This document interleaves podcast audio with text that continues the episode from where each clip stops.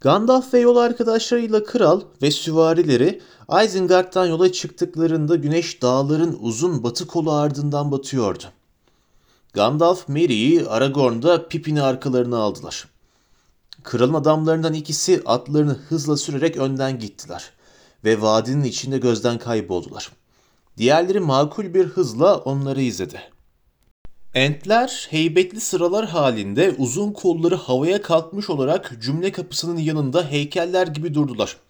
Ama hiç ses çıkarmadılar. Merry ile Pippin dolana dolana inen yolda bir süre ilerledikten sonra arkalarına baktılar. Gün ışığı hala gökyüzünde pırıldıyordu. Ama uzun gölgeler Isengard'a ulaşmıştı. Karanlıklara gömülen boz harabeler. Ağaç sakal şimdi orada yaşlı bir ağacın gövdesi gibi tek başına duruyordu. Hobbitler uzakta Fangorn'un sınırlarında güneşli kayanın üzerindeki ilk karşılaşmalarını düşündüler. Akel sütununa vardılar. Sütun hala ayaktaydı. Ama oyulmuş el yere atılmış ve parçalara ayrılmıştı. Tam yolun ortasında uzun işaret parmağı duruyordu. Alacakaranlıkta kırmızımsı siyaha doğru koyulaşan tırnağıyla bembeyaz. Entler bütün ayrıntılara dikkat ediyor, dedi Gandalf. Yollarına devam ettiler. Akşam vadide koyulaştı. Bu gece atlarımızı uzaklara sürecek miyiz Gandalf? diye sordu Merry bir süre sonra. Kuyruğundaki minik ayak takımı hakkında sen neler hissediyorsun bilmem ama ayak takımı yorgun ve kuyruğunda sallanmaktansa yatmayı tercih eder. Demek o sözleri duydun ha? dedi Gandalf. Bunu kendine dert etme. Artık o sözler sana yönlendirilmediği için müteşekkir ol. Sizde gözü hep vardı. Eğer bu senin gururunu biraz okşayacaksa o anda onun aklında hepimizden çok Pipin'le senin olduğunu söylemeliyim. Kimsiniz? Oraya nasıl ve neden geldiniz? Neler biliyorsunuz? Yakalanmış mıydınız? Eğer yakalandıysanız bütün orklar yok edildiğinde siz nasıl kaçtınız? Saruman'ın koca aklı bu tip minik bilmecelerle meşguldü. Ondan gelen bir hakaret Meryodok, bir iltifattır. Tabii eğer onun ilgisini seni gururlandırıyorsa. Teşekkür ederim, dedi Mary. Ama senin kuyruğunda sallanmak büyük bir onur Gandalf. Her şeyden önce bu konumda aynı soruyu ikinci kere sorma şansın oluyor. Bu gece uzaklara gidecek miyiz? Gandalf güldü. Başa çıkılmaz bir hobbit. Bütün ariflerin yanlarında bir iki hobbit taşıması lazım. Onlara kelimelerin anlamlarını öğretmek ve yanlışlarını düzeltmek için. Senden özür dilerim. Ama bu basit konular hakkında bile düşündüm. Birkaç saat at süreceğiz. Yavaş yavaş. Vadinin sonuna gelinceye kadar. Yarın daha hızlı gitmemiz gerekecek. Geldiğimizde niyetimiz Isengard'dan doğruca birkaç günlük bir yolda olan ovaların üzerindeki Edoras'taki kralın evine gitmekti. Fakat düşünüp planımızı değiştirdik. Haberciler önden yarın kralın geleceğini haber vermek için miğfer dibine gittiler.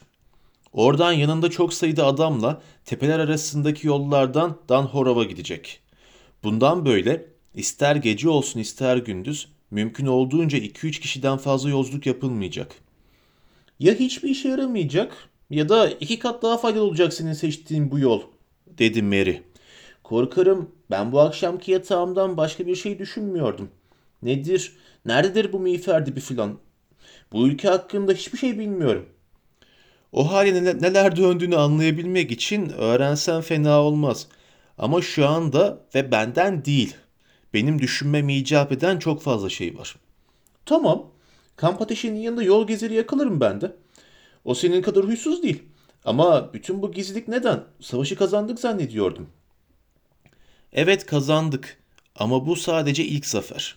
Ki bu tehlikeyi daha da arttırmakta. Mordor'la Isengard arasında henüz anlayamadığım bir bağlantı var. Nasıl haberleştiklerinden emin değilim ama haberleşiyorlardı. Sanırım Barad-dûr'un gözü sabırsızca Arif Vadisi'ne, sonra da Rohan'a çevrilecek. Ne kadar az şey görürse o kadar iyi. Yol yavaş yavaş geçip gitti. Vaden aşağıya dolanarak. Aizen bazen yakında, bazen uzakta taşlı yatağında akıyordu. Gece dağlardan indi geldi. Bütün sis dağılmıştı. Ürpertici bir rüzgar esti. Dolunay'a doğru büyüyen ay doğu göğünü soluk, soğuk bir pırıltıyla dolduruyordu. Sağ yanlarındaki dağların omuzları çıplak tepelere doğru iniyordu. Engin ovalar önlerine açılmıştı. Sonunda durdular. Sonra yana sapıp yoldan ayrılarak yeniden yaylaların tatlı çimlerine döndüler. Batıya doğru bir mil kadar gittikten sonra geniş bir vadiye vardılar. Vadi, Kuzey Sıra Dağları'nın son tepesi olan yeşil etekli, fundalarla taçlanmış yuvarlak Dol Bara'nın yamacına yaslanarak güneye doğru açılıyordu. Dere yatan her iki yanı arasından kıvır kıvır filizlerin hoş kokulu topraktan fışkırdığı, bir önceki yılın eğrelti otlarıyla halı gibiydi. Dere yatağın alçak yerlerinde sık dikenli çalılar yetişmişti. Gece yarısından iki saat kadar önce bu çalılar altına kamplarını kurdular. Aşağıda bir ağaç kadar yüksek olan yılların etkisiyle kıvrım kıvrım olmuş ama her dalı tip, dipdiri duran etrafa yayılmış bir alıçın kökleri arasındaki çukurun birinde ateş yaktılar. Her dalın ucunda tomurcuklar kabarmaya başlamıştı. Etrafa muhafızlar dikildi. Her nöbet yerine iki kişi olmak üzere. Geri kalanlar akşam yemeklerini yedikten sonra kendilerini bir pelerinle battaniyeye sararak uyudu. Hobbitler bir köşede eski bir eğrelti otu yığını üzerine uzandılar. Merry'nin uykusu vardı ama Pipin garip bir biçimde yerinde duramaz haldeydi. O dönüp dururken eğrelti otları altında çıtırdıyor ve hışırdıyordu. ''Ne var?'' diye sordu Merry. ''Karınca yuvasının üzerine mi yattın?'' ''Hayır'' dedi Pipin. ''Ama rahat değilim. Bir yatakta uyumayalı ne kadar zaman geçti merak ediyorum.'' Merry esnedi. ''İş parmaklarına düşüyor.'' dedi. ''Ama L'Oreal'den ayrılalı ne kadar olduğunu bilmen gerekir.'' ''Ha öyle mi?'' dedi Pipin. ''Ben yatak odasındaki gerçek bir yataktan söz ediyordum.'' ''Ee, ayrık vadi o zaman.'' dedi Mary.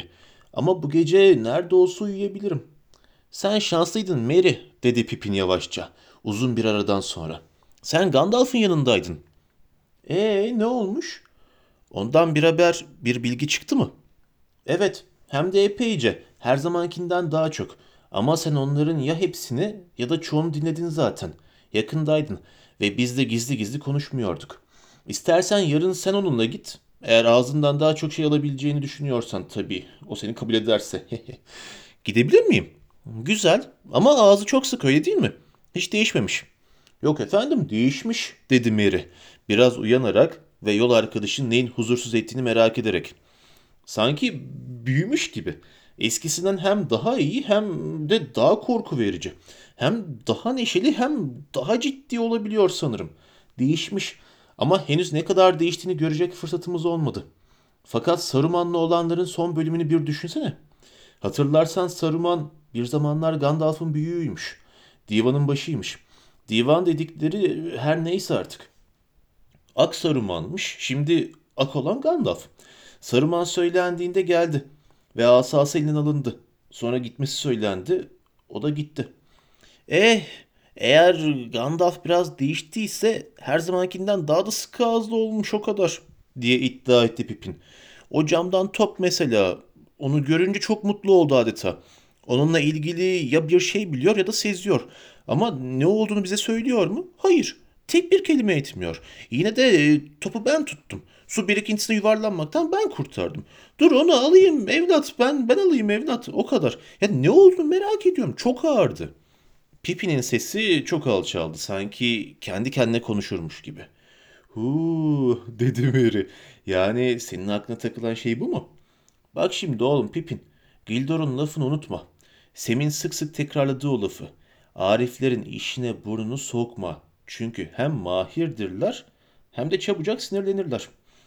Fakat aylardır bizim bütün yaşantımız Ariflerin işlerine burnumuzu sokmaktan başka bir şey olmadı ki, dedi Pipin. Tehlikenin yanı sıra birazcık da bilgi istiyorum. O topa bakmak istiyorum. Uyumana bak, dedi Mary. Eninde sonunda yeterince bilgi edinirsin. Sevgili Pipinciğim, hiçbir tuk, bir brandy bakı meraklılık konusunda geçemez. Ama söylesene, şimdi sırası mı? Tamam, sana derdimi o taşa bir bakmak istediğimi anlatmamda ne gibi bir sakınca var? Gandalf onun üzerinde kuluçkaya yatmış bir tavuk gibi otururken taşı alamayacağımı biliyorum. Ama senden alamayacağına göre yat uyudan başka bir şey duymamak beni hiç rahatlatmıyor. Eh başka ne diyebilirim dedi Mary. Üzgünüm Pipin ama gerçekten de sabah kadar beklemen gerekiyor. Sabah kahvaltısından sonra istediğin kadar meraklı olurum ve Arif kandırma işinde elimden geleni yaparım. Ama daha fazla uyanık kalamayacağım. Biraz daha esnersem ağzım kulaklarıma kadar yırtılacak. İyi geceler. Pipin başka bir şey söylemedi. Artık kıpırdamadan yatıyordu ama uyku ondan uzakta kaldı. Ayrıca iyi geceler de dedikten birkaç dakika sonra uykuya dalan Mary'nin hafif nefes sesi de ona bir fayda sağlamıyordu. Her yer sessizleştikçe kara kürenin düşüncesi büyüyor gibiydi. Pipin onun ağırlığını yeniden ellerinde hissetti ve yeniden bir an için bakmış olduğu al gizemli derinliklerini gördü. Oradan buraya dönerek başka bir şeyler düşünmeye çalıştı. Sonunda artık dayanamaz oldu. Kalkıp etrafına bakındı. Serin bir havaydı. Pelerinle iyice sarındı. Ay vadinin içine doğru soğuk ve beyaz parlıyordu. Çalıların gölgeleri de simsiyahtı. Her tarafta uyuyan şekiller yatıyordu. İki nöbetçi görünürlerde yoktu. Belki de tepeye çıkmışlar veya eğrelti otların arasına gizlenmişlerdi. Anlaşılmaz bir dürtüyle hareket eden Pippin, Gandalf'ın yattığı yere doğru yürüdü yavaşça. Ayakta durarak ona baktı. Arif uyuyor gibiydi ama göz kapakları tam olarak kapalı değildi. Uzun kirpikler altında gözlerinin pırıltısı seçiliyordu. Pippin aceleyle geri adım attı. Ama Gandalf'tan hiçbir hareket gelmedi. Yarı yarıya kendi iradesi dışında ona doğru çekilen Hobbit bir kez daha ama bu kez Arif'in başının gerisinden yavaş yavaş ilerledi. Gandalf bir battaniyeye sarılmış, pelerini battaniyenin üzerine örtmüştü. Çok yakında sağ yanıyla kıvrılmış kolu arasında bir tümsek, kara renkli bir kumaşa sarılmış yuvarlak bir şey vardı. Eli sanki onun üzerinden kayarak yere düşmüş gibi görünüyordu. Pippin nefesini tutarak daha yakına ilerledi. Adım adım. Sonunda diz çöktü. Elini sinsi sinsi uzatıp yavaşça o tümseyi kaldırdı. Pek öyle beklediği kadar ağır değildi. Belki de sadece bir iki parça bir şeyini koyduğu bir çıkındır diye düşündü garip bir rahatlama hissiyle. Ama çıkını bir daha yerine bırakmadı. Bir süre onu sıkı sıkı tutarak ayakta durdu. Sonra aklına bir fikir geldi. Parmak uçlarına basarak uzaklaştı. Büyükçe bir taş buldu, geri geldi. Çarçabuk kumaşı açarak taşı içine sardı ve diz çökerek bunu Arif'in elinin yanına bıraktı. Sonra da ortaya çıkardığı şeye baktı. İşte oradaydı. Pürüzsüz billur bir küre. O anda karanlık ve ölüydü. Dizlerin önünde tüm çıplaklığıyla duruyordu. Pippin küreyi kaldırdı. Aceleyle kendi pelerine sardı. Ve yatağına gitmek için döndü. Tam o anda Gandalf uykusu içinde kıpırdanarak bir iki kelime mırıldandı. Yabancı bir dilde gibiydi bunlar. Uzanıp kumaşla sarılmış taşı elledi. Sonra rahatlayarak bir iç geçirdi. Ve bir daha kıpırdamadı. Seni geri zekalı ahmak diye mırıldandı Pippin kendi kendine. Başını korkunç bir belaya sokacaksın. Hemen şunu geri koy. Ama o anda dizlerinin zangırdamakta olduğunu fark etti. Ve çıkına ulaşabilecek kadar Arif'in yakınına gitmeye cesaret edemedi. Artık onu uyandırmadan yerine koyamayacağım diye düşündü. Biraz daha sakinleşmeden en azından. O yüzden önce şöyle bir göz gezdirmemde bir sakınca yok. Ama burada değil. Yavaş yavaş uzaklaşıp yatağından pek uzakta olmayan yeşil bir tümseyin üzerine oturdu. Ay küçük vadinin kenarından içeri bakıyordu. Pippin dizlerini kendine doğru çekerek ve topu dizlerin arasına koyarak oturdu. Diğerlerinden uzakta bir köşede aç gözlü bir çocuğun bir tabak yemeğin üzerine eğilişi gibi kürenin üzerine iyice eğildi. Pelerini açarak küreye baktı. Etrafındaki hava hareketsiz ve gergindi. İlk başlarda küre karanlıktı. Kara kehribar kadar kapkara. Mehtap üzerinde parlıyordu. Sonra kürenin tam ortasında soluk bir parlaklık bir hareket oldu ve Pipi'nin gözlerini aldı. Öyle ki artık başka yere bakamıyordu. Kısa bir süre sonra kürenin bütün içi tutuşmuş gibiydi. Ya taş dönüyor ya da içindeki ışıklar dolanıyordu. Aniden ışıklar gitti. Pipin nefessiz kalarak bir uğraş verdi. Ama topu her iki eliyle de sıkı sıkı kavramış olarak iki büklüm kaldı. Biraz daha, biraz daha eğilerek daha da yaklaştı topa. Sonra dimdik oldu. Bir süre dudakları sessizce kıpırdadı. Sonra boğuk bir çığlıkla arka üstü düştü ve kıpırdamadan yattı. Çığlığı kulakları yırtan bir çığlıktı. Nöbetçiler tepeden aşağı atladılar. Bütün kamp kısa bir süre sonra ayaklanmıştı. Demek ki hırsız buymuş dedi Gandalf. Aceleyle pelerini yerde duran kürenin üzerine attı. Ama sen Pipin İşler ne kadar üzücü bir hal aldı şimdi. Pipi'nin bedeninin yanına diz çöktü. Hobbit sırt üstü görmeyen gözlerle gökyüzüne bakarak kas katı yatıyordu. Şeytanlık. Hem kendine hem bize ne büyük kötülük yaptın böyle. Arif'in yüzü bitkin ve yorgundu. Pippin'in elini, elini eline alarak yüzüne doğru eğildi ve nefesini dinledi. Sonra elini alnına koydu. Hobbit sarsıldı. Gözleri kapandı. Bağırdı, doğrulup oturdu ve soluk mehtapta etrafına toplanmış olan yüzlere baktı. Senin için değil o Saruman diye bağırdı tonsuz, tiz bir sesle Gandalf'tan kaçıp sakınarak. Onu alması için hemen birini yollayacağım anlıyor musun? Sadece bunu söyle.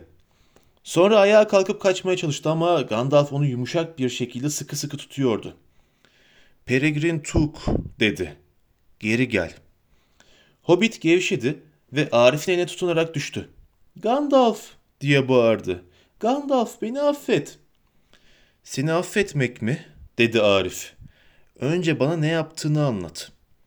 Topu alıp içine baktım diye kekeledi Pipin. Ve ve be- beni beni çok korkutan şeyler gördüm. Ayrılmak istedim ama ay- ayrılamadım. Sonra o geldi ve be- beni sorguya çekti. Bir, bir de bana baktı. Bütün hatırladığım bu. Bu kadarı yetmez, dedi Gandalf sertçe. Ne gördün ve ne söyledin? Pippin gözlerini kapatarak titredi. Ama hiçbir şey söylemedi. Hepsi sessizlik içinde ona baktılar. Arkasını dönen Merry hariç. Fakat Gandalf'ın yüzü hala sertti. Konuş, dedi.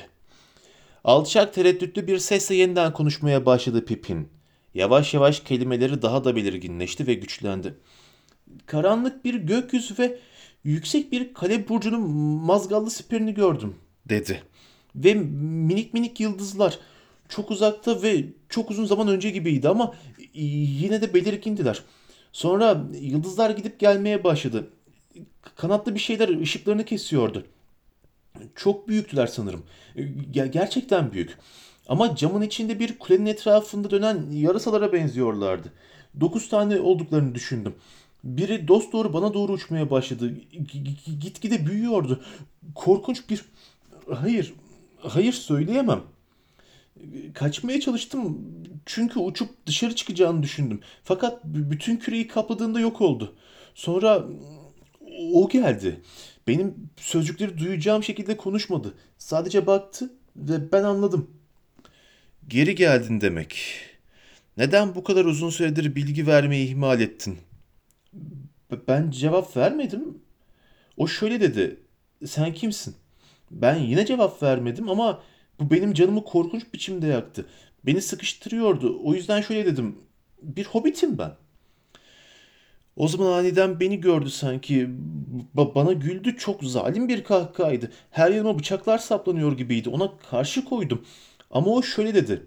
Az bir bekle. Yakında yeniden karşılaşacağız. Saruman'a bu lokmanın onun olmadığını söyle. Onu alması için hemen birini yollayacağım. Anlıyor musun? Sadece bunu söyle. Sonra başarısızlığımı zevkle seyretmeye başladı. Paramparça olduğumu hissediyordum. Yo, yo daha fazlasını söyleyemeyeceğim. Ba- başka bir şey hatırlamıyorum. Bana bak, dedi Gandalf. Pippin doğrudan onun gözlerine baktı. Arif bir an için onun bakışlarını yakaladı. Sonra yüzü daha bir yumuşadı ve bir tebessüm gölgesi belirdi. Elini hafifçe Pippin'in başına koydu. Tamam, dedi. Başka bir şey söyleme. Hiçbir zarar görmemişsin. Gözlerinde hiç yalan yok. Ben bundan korkmuştum oysa. Ama seninle uzun süre konuşmadı. Bir ahmak ama dürüst bir ahmak olarak kalmayı başardın Peregrin Tuk. Daha akıllı olanlar böylesine bir sınavda daha kötü şeyler yapabilirlerdi. Ama şuna dikkat buyur. Hem sen hem de arkadaşların tabiri caizse tamamen bir rastlantı eseri kurtuldunuz. Bir dahaki sefere şansın yaver gitmeyebilir. Eğer o anda orada sorguya çekseydi seni, hepimizin felaketi olur, büyük bir ihtimalle bildiğin her şeyi anlatırdın. Ama çok aceleci davranmış. Sadece bilgi istememiş, seni istiyordu. Bir an önce seni istiyordu ki karanlık kulede seninle yavaş yavaş ilgilensin. Titreme. Eğer Ariflerin işlerine burnunu sokarsan bu tür şeylere karşı hazırlıklı olman gerekir. Ama hadi, seni bağışlıyorum. Rahat ol. İşler olabileceğinden daha iyi gitti. Pipini şefkatle kaldırarak yatağına geri taşıdı. Merry onları izleyip Pippin'in yanına oturdu. Yat oraya ve dinlen Pippin. Eğer dinlenebilirsen, dedi Gandalf. Bana güven. Eğer parmakların yine kaşınırsa bana haber ver. Böyle şeylerin çaresi vardır. Ama her halükarda sevgili hobbitçiğim, bir daha dirseğimin altına taş çıkını koyayım deme. Şimdi ikinizi bir süre baş başa bırakacağım. Bu sözle birlikte Gandalf Ortank taşının yanında kafaları karışmış bir şekilde duran diğerlerinin yanına döndü. Tehlike gecenin bir vaktinde hiç beklemediğiniz bir anda geliveriyor dedi. Kıl payı kurtulduk. Hobbit Pippin nasıl? diye sordu Aragorn. Sanırım artık iyi olur diye cevap verdi Gandalf. Uzun süre etki altında kalmamış. Ayrıca hobbitlerin iyileşme konusunda hayret verici bir güçleri var. Hatırası veya korkusu çabucak solup gider büyük bir ihtimalle. Belki de çok çabuk. Sen Aragorn, ortank taşını alıp göz kulak olur musun? Bu tehlikeli bir iştir. Tehlikeli gerçekten ama herkes için tehlikeli değil, dedi Aragorn. Bu taş üzerinde hak talep edebilecek tek bir kişi var. Çünkü belli ki bu Ortank'ın palantiri. Gondor kralları tarafından Ortank'a konmuş Elendil'in hazinesinin bir parçası. Artık zamanım yaklaştı. Onu alacağım. Gandalf Aragorn'a baktı. Sonra diğerlerinin şaşkın bakışları arasında örtülü taşı kaldırdı ve uzatırken başını eğerek selam verdi. Kabul et hükümdarım, dedi. Geri verilecek diğer şeylerin teminatı olarak ama kendine ait bir şeyin kullanımı hakkında bir öğüt istersen eğer kullanma derim sana. Henüz kullanma. Dikkatli ol. Ne zaman aceleci oldum, dikkatsiz oldum ki, dedi Aragorn. Kimdi uzun yıllar boyunca bekleyen ve hazırlanan? Henüz hiç öyle davranmadın. Yolun sonunda ayağın tökezlemesin, diye cevap verdi Gandalf. Ama en azından bunu gizli tut. Hem sen hem de burada bulunanlar. Hobbit Peregrin, herkesten çok o, nereye verildiğini bilmemeli. O kötü nöbete yeniden tutulabilir. Çünkü heyhat onu eline aldı ve içine baktı. Hiç olmaması gerekirdi bunun. Onu Isengard'dayken hiç ellememeliydi. Orada ben daha çabuk davranabilirdim. Ama benim aklım Saruman'la meşguldü ve taşın tabiatını hemen kavrayamadım. Sonra da yorgundum ve uzanmış taş hakkında düşünürken uyku beni yendi. Şimdi anlıyorum. Evet, buna hiç kuşku yok, dedi Aragorn. En azından Isengard'la Mordor arasındaki bağlantıyı ve nasıl çalıştığını öğrenmiş olduk. Çok şey açıklığa kavuştu. Garip güçleri var düşmanlarımızın, garip zayıflıkları da, dedi Theoden. Fakat eski bir deyiş vardır. Genellikle kötü niyet, kötü şeyleri bozar. Buna birçok kez tanık olundu, dedi Gandalf. Fakat bu kez garip bir biçimde şansımız yaver gitti. Belki ben bu hobbit sayesinde çok ciddi bir gaftan kurtulmuş oldum. Nasıl kullanıldığını bulmak için bu taşı ben kendim incelesem mi, incelemesem, incelemesem mi diye düşünmüştüm. Eğer öyle yapacak olsaydım ona kendimi açık etmiş olacaktım. Böylesine bir sınava henüz hazır değilim. Hiç hazır olur muyum bilmiyorum.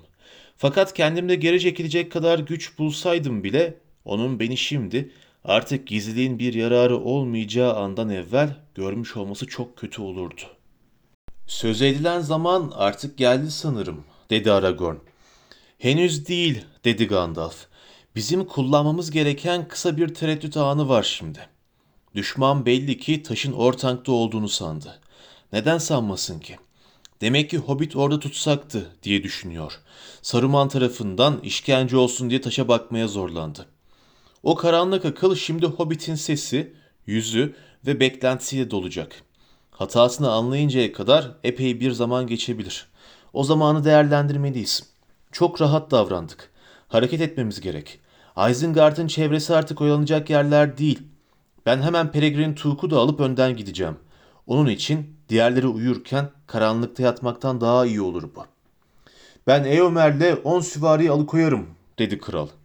Onlar benimle günün erken saatlerinde sürerler atlarını. Diğerleri Aragon'la ne zaman isterlerse gidebilirler. Nasıl isterseniz, dedi Gandalf. Fakat tepelerin örtüsü altına, miğfer dibine varmak için elinizden geldiğince hızlı gidin.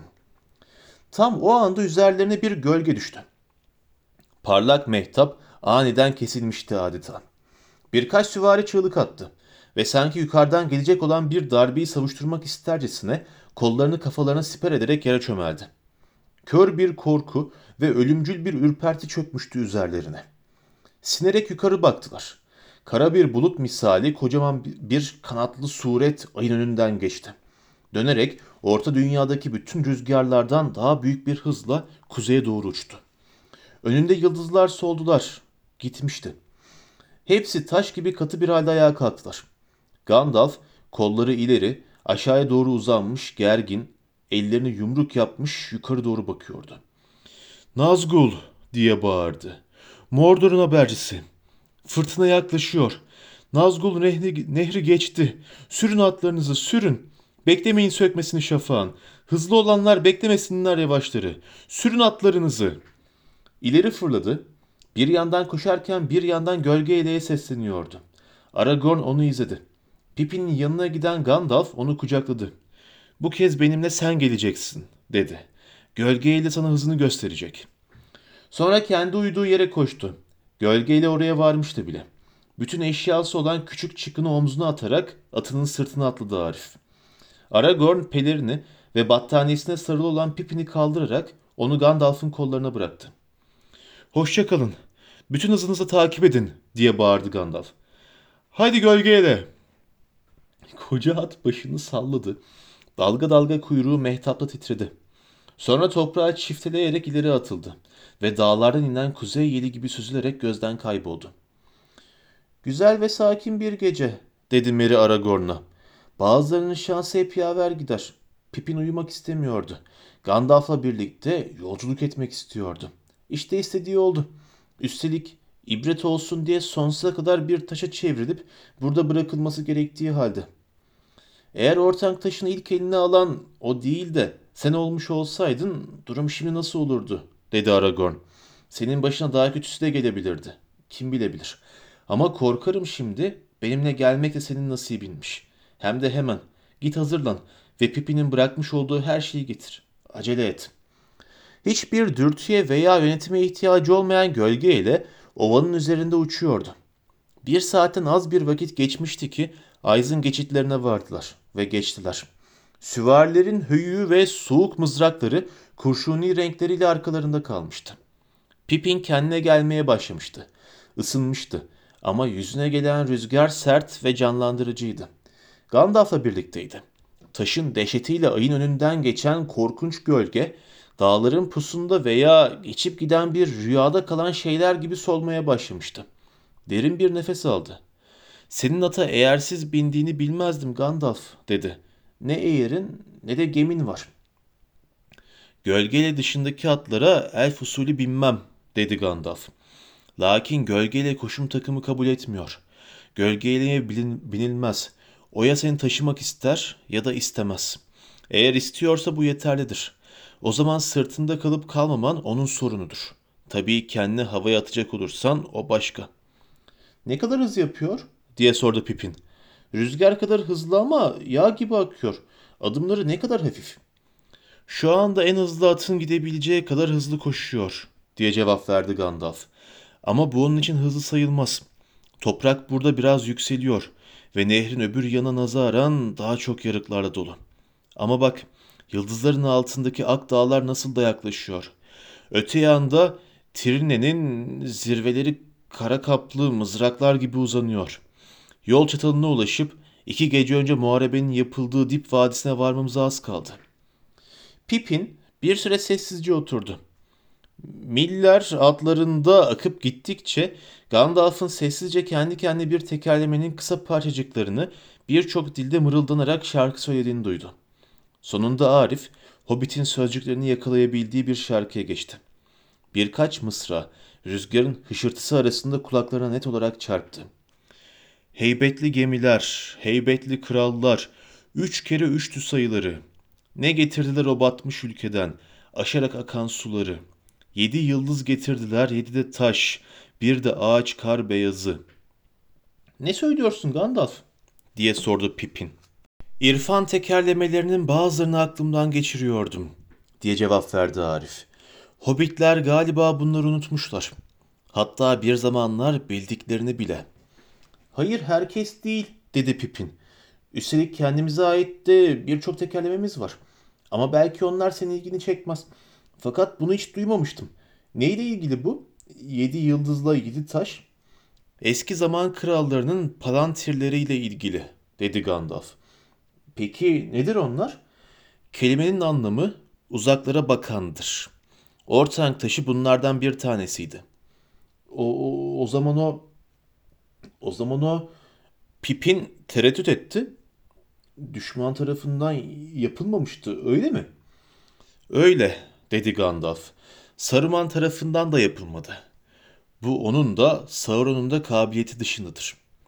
Palantirler batı ilin ötesinden el damardan gelmiştir. Noldor yapmıştı onları. Belki de Fëanor'un kendisi. Zamanı yıllarla ölçülemeyecek kadar önceki yıllarda işlemişti onları. Fakat Sauron'un kötüye kullanamayacağı hiçbir şey yoktur. Yazıklar olsun Saruman'a. Onun düşüşü bundan oldu. Şimdi anlıyorum. Kendimizde mevcut olandan daha derin bir marifetin aletlerini kullanmak hepimiz için tehlikelidir.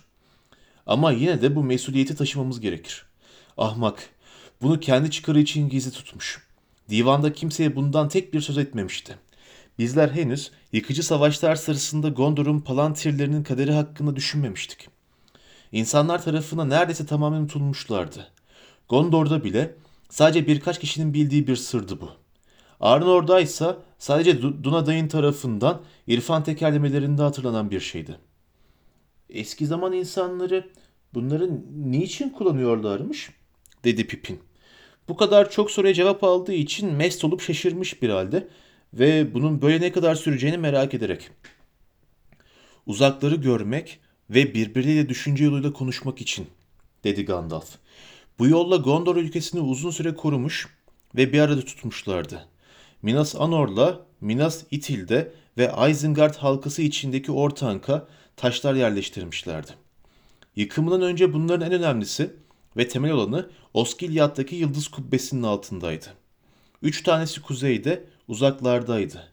Elrond'un konağında bunların Annuminas ve Amon Sul'da bulundukları ve Elendil'in taşının kurşun renkli gemilerin bulunduğu Hilal Körfezi'ndeki Midlond'a bakan kule tepelerinde olduğu söylenirdi.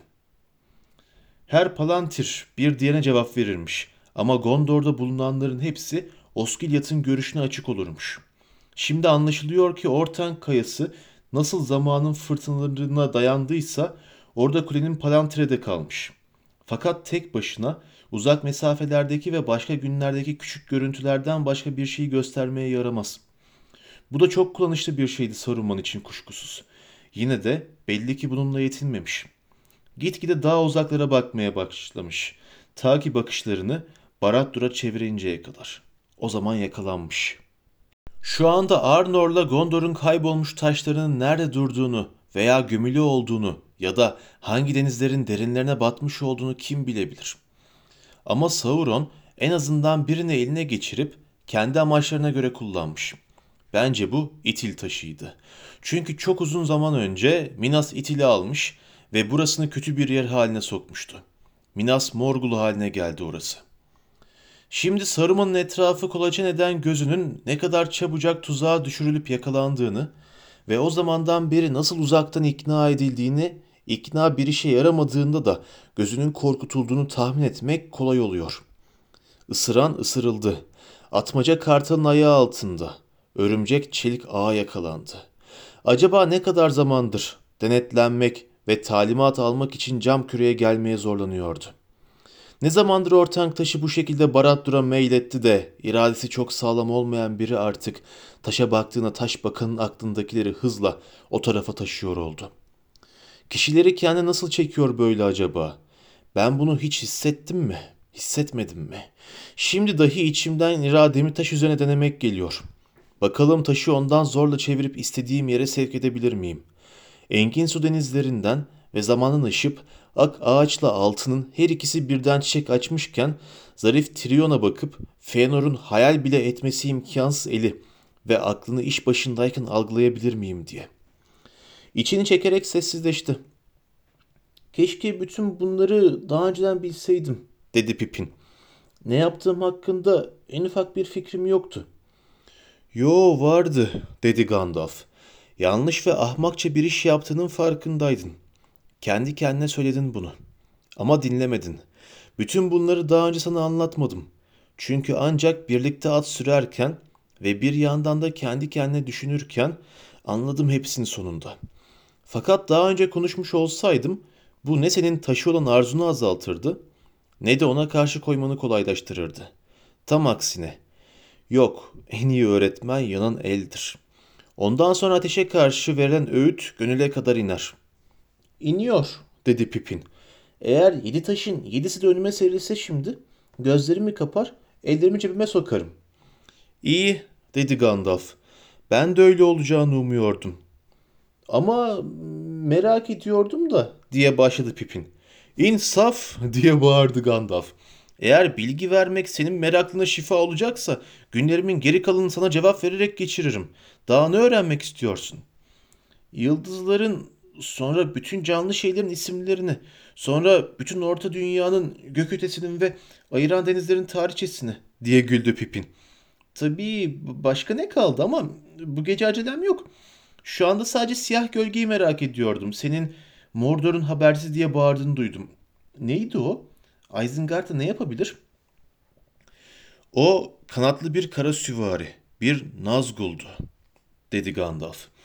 Seni karanlık kuleye götürebilirdi.